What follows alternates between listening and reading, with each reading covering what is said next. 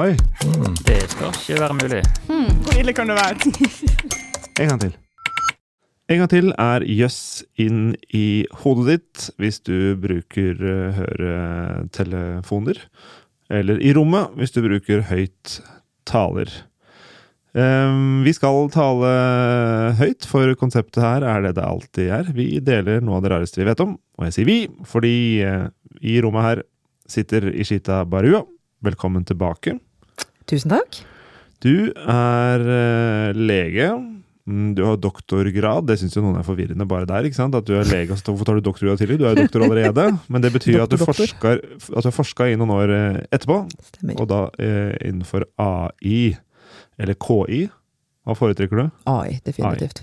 Artificial Intelligent. Mm. Eller kunstig intelligens på norsk, da. Um, nå har du forlatt forskningen for å bli konsulent. Eh, du leder den strategiske AI-satsingen i Deloitte. Deloitte? Innen helse, det stemmer. Innen helse. Ja. Mm. Helse-AI. Råd kan man hente derfra. Mm. Det er et spennende felt hvor jeg føler at det skjer mye. Det skal- skjer vanvittig mye. Ja, og fort. Og nå har det nådd alle. Alle kan jo teste ut, leke med, bruke AI. Litt, i hvert fall. Stemmer. Ja. Det er blitt veldig mainstream etter november 2022 med ChatGPT og alt det der, så nå har det blitt litt sånn allemannseie. Jeg burde brukt uh, ChatGPT til å skrive introduksjonen av Marit eh, Simonsen, men det har jeg hørt på alle konferansene og, og jeg har besøkt i år, og alle podkaster, så jeg er litt lei. um, Antakeligvis kunne det jo hende at en, en kunstig intelligens ville henta informasjonen eh, fra et eh, leksikon. Det står kanskje ikke noe Marit Simonsen i leksikon de jobber i? i Store norske? Nei, nei. det gjør ikke det. Nei. Eh, det skal vi sørge for i dag, for vi skal lage skandale som gjør at det blir leksik leksikonartikkel. Nå snakker jeg meg bort. Marit Simonsen, du er leksikonredaktør, og du er foredragsholder. Du er, har biologbakgrunn, men et veldig bredt interessefelt. Det har jeg. Velkommen tilbake. Takk. Og så er jeg veldig spent på hvilke felt og hva du har med hit. Mm. Jeg føler at med deg er det mindre Jeg har mindre kontroll. Jeg føler at det kan gå alle veier. Det kommer mye rart ut av meg. Ja. Ja. Eh, vi eh, gjør eh, som vanlig. Hva, hva har dere med for noe? Hva kan dere friste oss andre med? Marit, hva har du? Jeg har med meg vårens største sexshow. Oi, Det vinner. Altså, Det vinner. du kan ikke konkurrere. der har vi en sex. Dagblad-tittel. Ja, hva med eh, Nå hopper jeg inn her.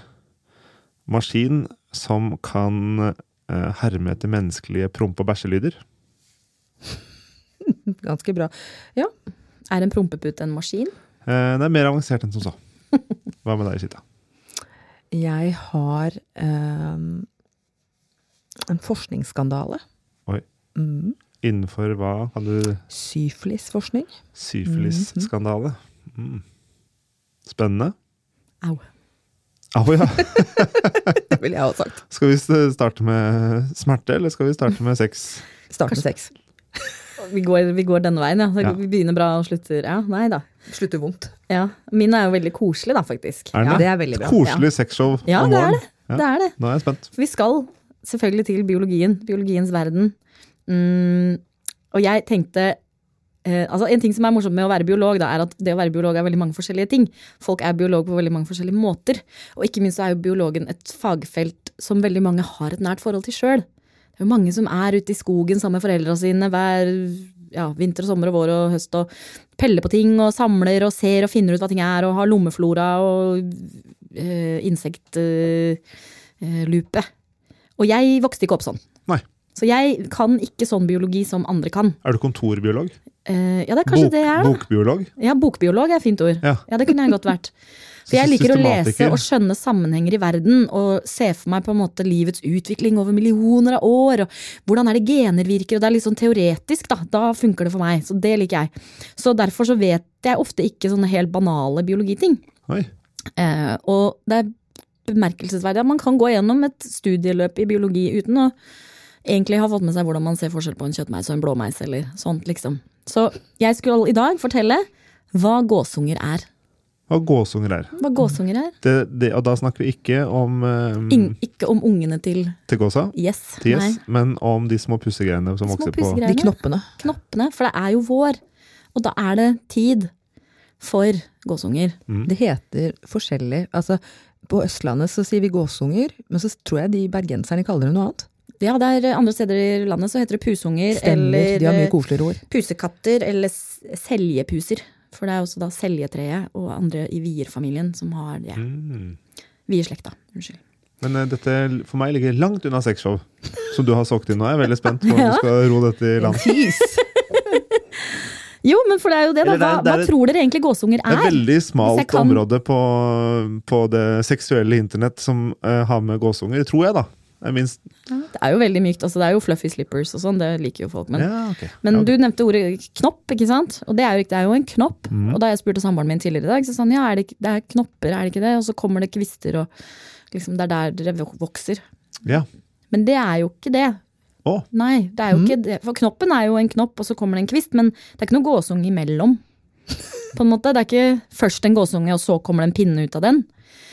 Gåsunger er faktisk blomster. Å ja. Og blomster er jo plantenes sexorganer. ja. Ikke sant? Der er det hunnlige organer Mm. og hannlige organer. Ikke sant? Pollenbærere og arr heter disse, da. Eh, I motsatt rekkefølge, sa jeg de nå. Men, Mm. Sånn at gåsungene er eh, blomsterstander, altså samlinger av veldig veldig mange blomster som ligger under hvert sitt lille skjell. Og hvert skjell har masse masse hår på.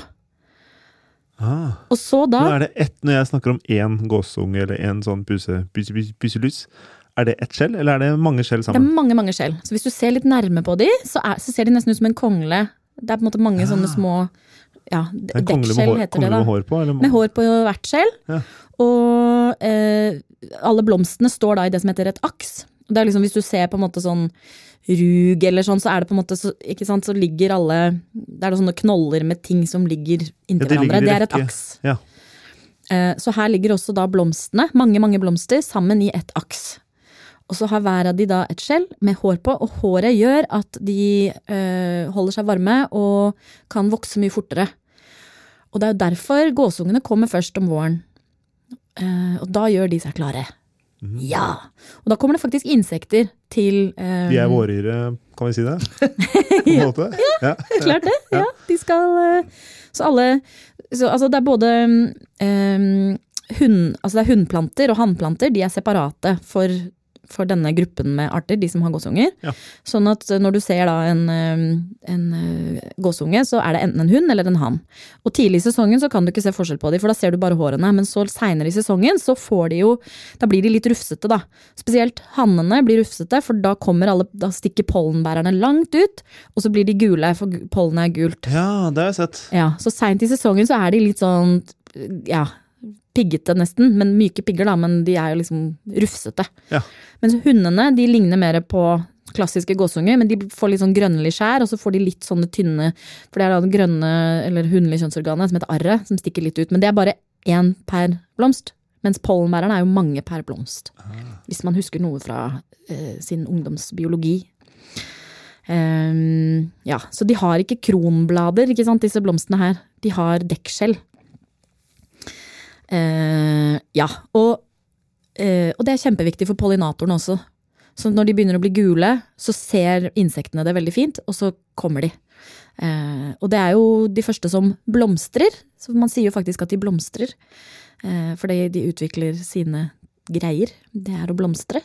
Det var presist sagt. Eh, og da kommer insektene. Så, Og det er jo da sånn, det er jo flere, det er ganske mye pollen på én, så da kommer det mange insekter til eh, hannene først, da, for de syns best. Ja, og så Så flyr de til de andre Så flyr de til hundene til og hundene legger igjen pollenet, og så blir de befruktet. Og så på slutten av sesongen Ja. så faller hanngåsungene av, mens hunngåsungene er da befruktet og har et frøemne inni seg, så de lager da masse frø. Ja. Så, så sånn er det. Da kan du se forskjell på kjønnet på trær med det. Og så, driver de med sexshow. Sex på avstand, da. Ikke sant? For disse trærne møtes ikke, de trenger insektene for å ja. Kan også være noe vindpollinering. Er insektene vindpollinering da eh, trærnes eh, eh, prøverørs eh, Klinikk eller, eller, eller mer sædbank? Hvordan, hva er det de, hvilken funksjon kan du sammenligne? Eh, oi, oi, oi. Ja, den var vanskelig, du, for det er, jo, det er jo ikke noe som er egentlig helt analogt, da. Nei. Men uh, For det Fys- er veldig sjelden blant tilbake- mennesker at noen flyr mellom mann og kvinne med, Det med sperm. Ja. Ja, det er sjelden. Jeg antar at det er ganske I små pollenposer på beina. Ja. Ja. Så det. De har sex rett rundt deg. Ja. Overalt er det. Og vi tar dem inn og pynter med dem. Ja, Tar vi inn trærnas øh, kjønnsorganer det inn på stua. Ja, Ja, det skulle de konservative amerikanerne visst om. tenk det. Ja, Eller konservative nordmenn. Fins noen av dem òg. ja det gjør jo det. Så der. Takk. Gøy. Hva skal vi høre mer om eh, nå? Du får bestemme det. Oi, nå er jeg som bestemmer, fordi dere stemmer mot hverandre. Hmm. Eh, jeg vil gjerne høre om prompelyder til slutt, så vi tar syfilis først. Greit. Få høre om syfilis.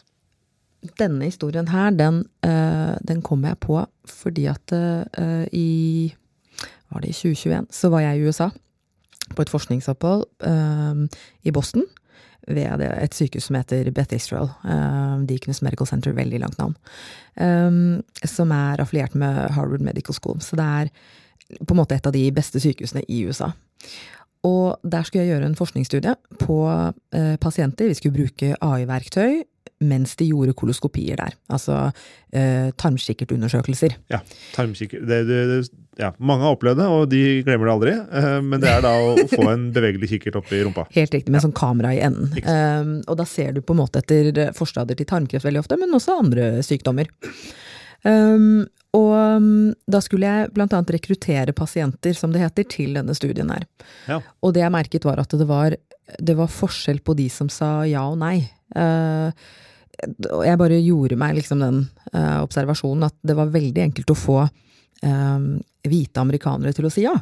De var liksom howdy, de var kjempehyggelige, og de, de hadde null eh, reservasjoner til å være med i forskningsstudier. Ja. Eh, mens hvis jeg spurte folk med minoritetsbakgrunn, som var mørkhudede, så var det eh, veldig sånn no!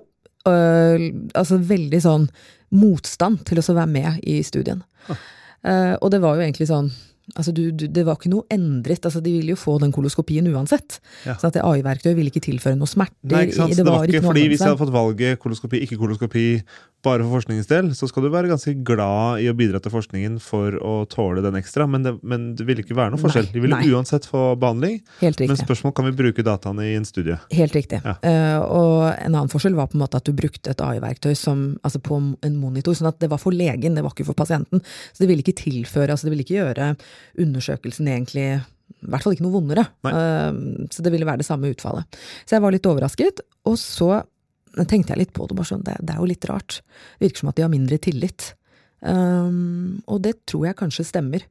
For jeg kom jo på at jo, men amerikanerne de har en litt sånn vanskelig historie med medisinsk forskning. Eh, og det er der vi kommer inn på dette her med den store, skandaløse syfilis-studien deres.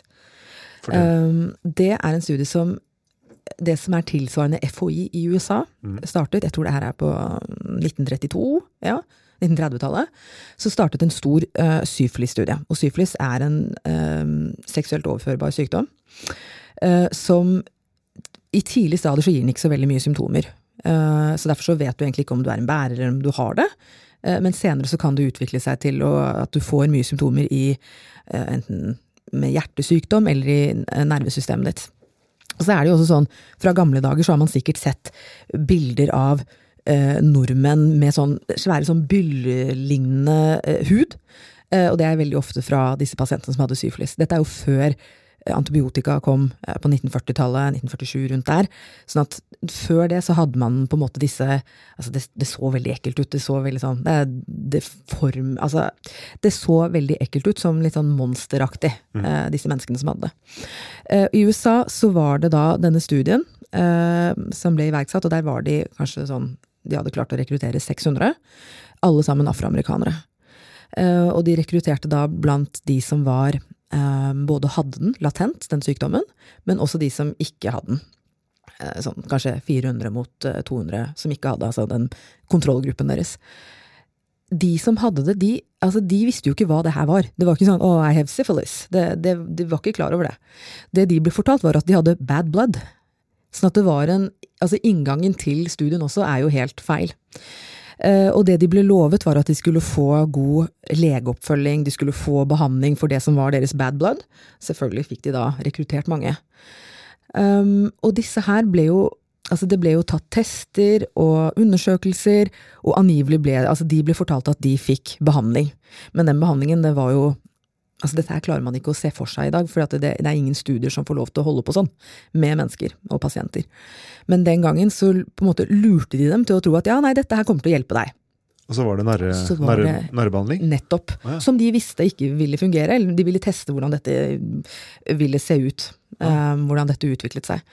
Mange av de som var med i studien, de døde jo underveis, eller så ble de faktisk holdt syke. Sånn at denne studien pågikk i 40 år, fra 1932 til 1972, tror jeg det var. Og hvis dere hørte tidligere, så kom jo antibiotika og kuren på 1940-tallet. Sånn at man med overlegg lot være å gi dem den behandlingen. Og det eh, fikk kjempestore konsekvenser, for dette er jo folk som dør, eller at deres etterkommere og deres familie også får denne sykdommen, ikke sant? Partnere, alt mulig. Og at de blir Altså, de blir jo invalide når du på en måte får lov til å gå så langt. Så det er en skandale som, som eh, som egentlig gjorde at man fikk på plass ganske mye sånne etiske retningslinjer for hvordan man skulle gjøre forskning. Men det var nok en av de store, store forskningsskandalene.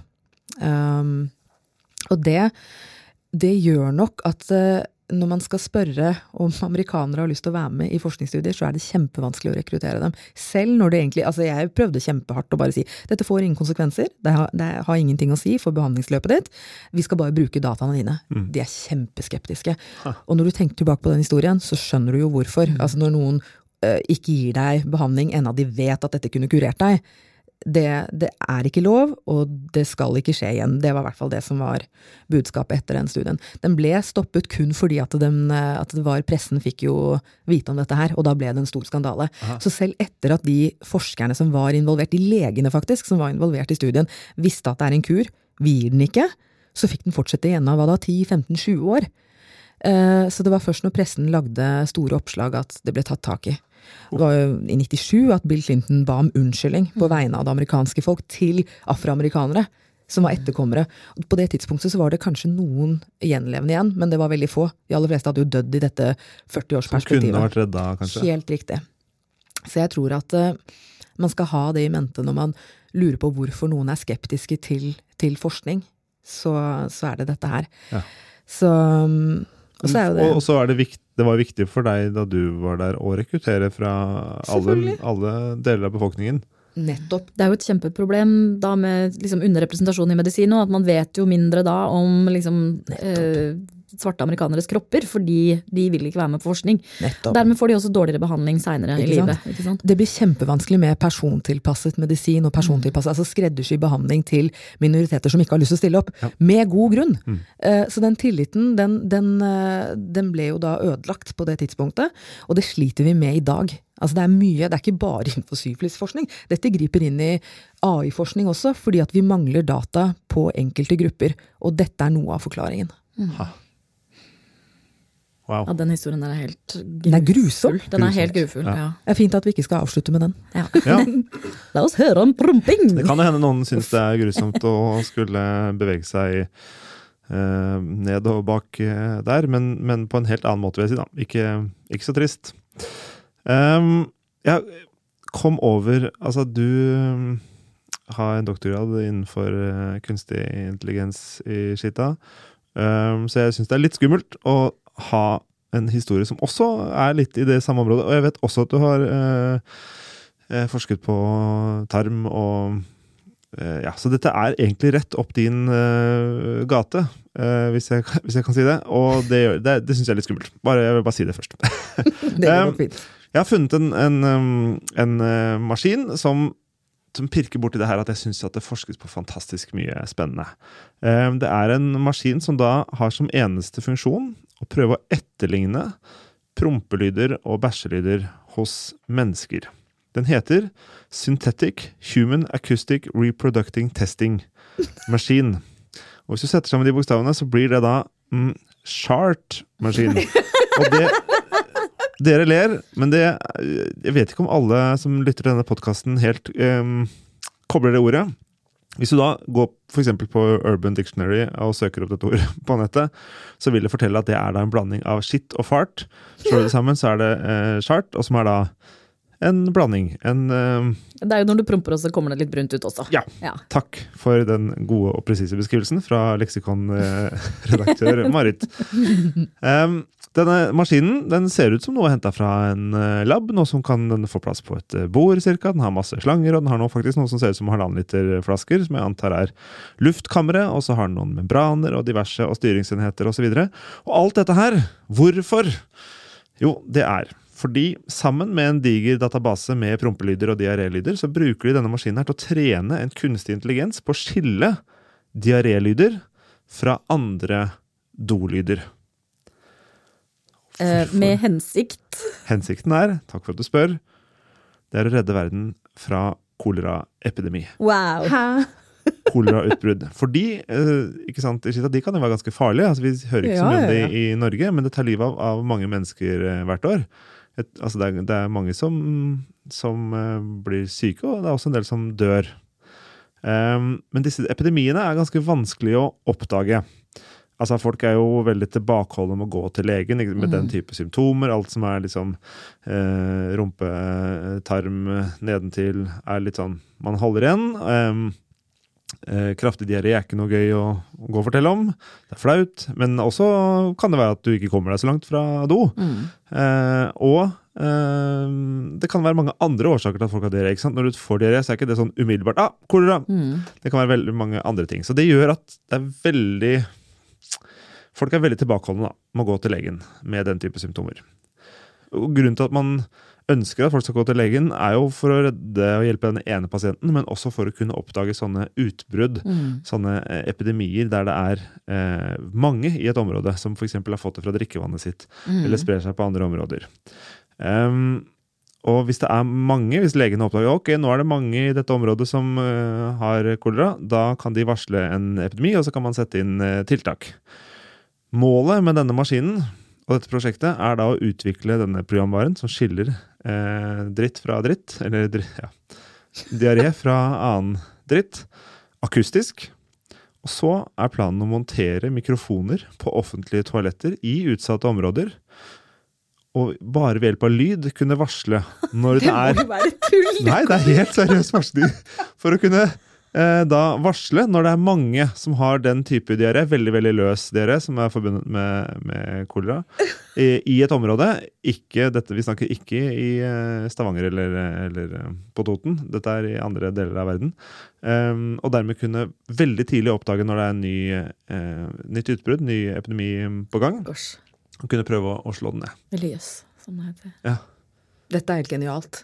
Altså, jeg tenker dette er sånn Altså, lyden av prompen er proxy for rett og slett hva, Ja. Og det er ikke den presist, ikke sant? Du kan ikke stille diagnose på denne ene personen. Men hvis det er et offentlig toalett som brukes av tusen, tusenvis Ja, hver dag, ja, så, kan du, ja, så kan du se en økning i den type Høre, mener du? Ja, høre. Du kan høre en økning i den type diaré som denne kunstige intelligensen da har henta ut, annet fra denne maskinen. De har også rett og slett de de har, de har trålet YouTube og internett for, for bæsjevideoer og, og prompelyder og sånn, for å kunne mate denne eh, kunstig intelligens med mest mulig relevante lyder, og kunne skille dem fra en atypisk diaré og kanskje da koleralyd. Så hvis det går fra um, hva skal jeg si for noe, 2 diarélyd til 8% diarébesøk på dette offentlige toalettet, så kanskje det går en, eh, en varsellampe eller en, eller en bjelle. Jeg håper litt at det går en prompelyd på dette som, som varsellyd, og så kan de sette inn tiltak. Wow. Det er ganske smart. det er ganske smart. Men det er også noe som vi mennesker aldri hadde tenkt på. Eller hvis vi hadde tenkt det, så hadde vi ikke gått videre med den ideen, for det er hårreisende Ja. eh, merkelig. Mm. Eh, og hvem er det som har lyst til å forklare denne ideen?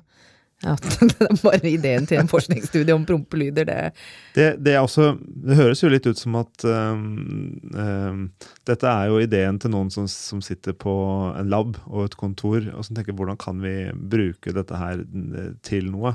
Uh, og så kan man ta det ut i um, miljøer og land. Farts in the wild. Ja. Jeg syns det er genialt. Det er litt sånn som, det, dette er sånn AI driver med, at det finner sammenhenger som vi ikke tenker på. Enten fordi jo, vi har fordommer. Det er jo mennesker som har tenkt på denne sammenhengen. Og så er det bare en AI. Sånn at mennesker slipper å sitte med sånn derre kopp utafor eh, døra og lytte, liksom. For det hadde vært både veldig arbeidskrevende og veldig kjip jobb. Eh, men hvis du bare da kan ha en liten, eh, en liten iPhone et eller annet sted som mm -hmm. sitter og prosesserer data, det går jo an. Det går an. Hm.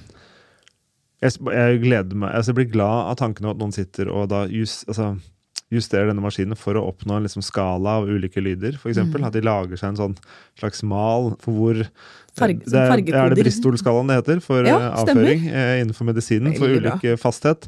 Og så kan de eh, sikkert på samme måte da Gjøre det med lyd? Ja. si litt sånn Hvordan høres sånn type eh, avføring ut, og hvordan høres sånn og sånn fra helt fast til et fullstendig suppe, liksom. Altså, vi, vi tenker jo det. Altså, hvis noen har en rar promp, så tenker man jo oi, gud, du må få undersøkt den eh, ja. tarmen der, eller ja. magen der. Ja. Så vi gjør jo det allerede. Ja. Mm. ja.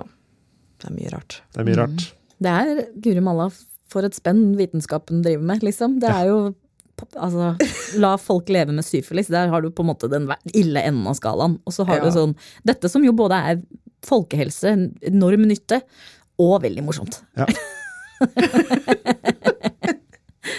Lurer på hvordan, eh, hva Datatilsynet har sagt i, sagt i Norge om å montere mikrofoner på alle offentlige eh, ja. toaletter, og hva som gjøres med den dataen. Ja, Er Men, det sensitive data å finne ut av prompelyden til folk? Kan du identifiseres gjennom prompelyder? Jeg vet ikke. Det er neste ledd. Når de har publisert på denne her, så, så kan de begynne på prompeidentifisering. Vi skal prøve å eh, lukke denne podkasten. Eh, jeg skal stramme lukkemuskelen rundt denne Og håpe at det ikke er noe luft som slipper uh, ut. Men vi må bestemme oss hvilken av disse som faktisk var mest uh, jøss. Hva syns dere? Altså ren sjokkfaktor, så vinner jo Ishita, men, mm. uh, men For det er bare helt krise. Altså, ja, man sitter ja. jo med liksom kjeven på gulvet. Men, men, likevel så må jeg nok si at stemmen min går til Andreas. Jeg er helt enig, og jeg, jeg tror jeg er litt biased for at jeg har jobbet med bæsj og promp uh, som lege som har gjort nettopp de undersøkelsene der. Mm. Så jeg tror også, Men jeg er fascinert av denne studien, så jeg tror også jeg stemmer på den. Mm. Du vet den. Jeg tar den uh, med meg. Jeg bærer den med meg. Uh, takk for at dere kom, begge to, og delte noe av det rareste dere vet om og har funnet ut i det siste. Takk til deg som lytter til Jøss og forteller andre om denne rare, knirkete lille podden. Eh, fortsett med det, så skal vi fortsette å lage episoder. Adjø. Ha det. Ha det bra.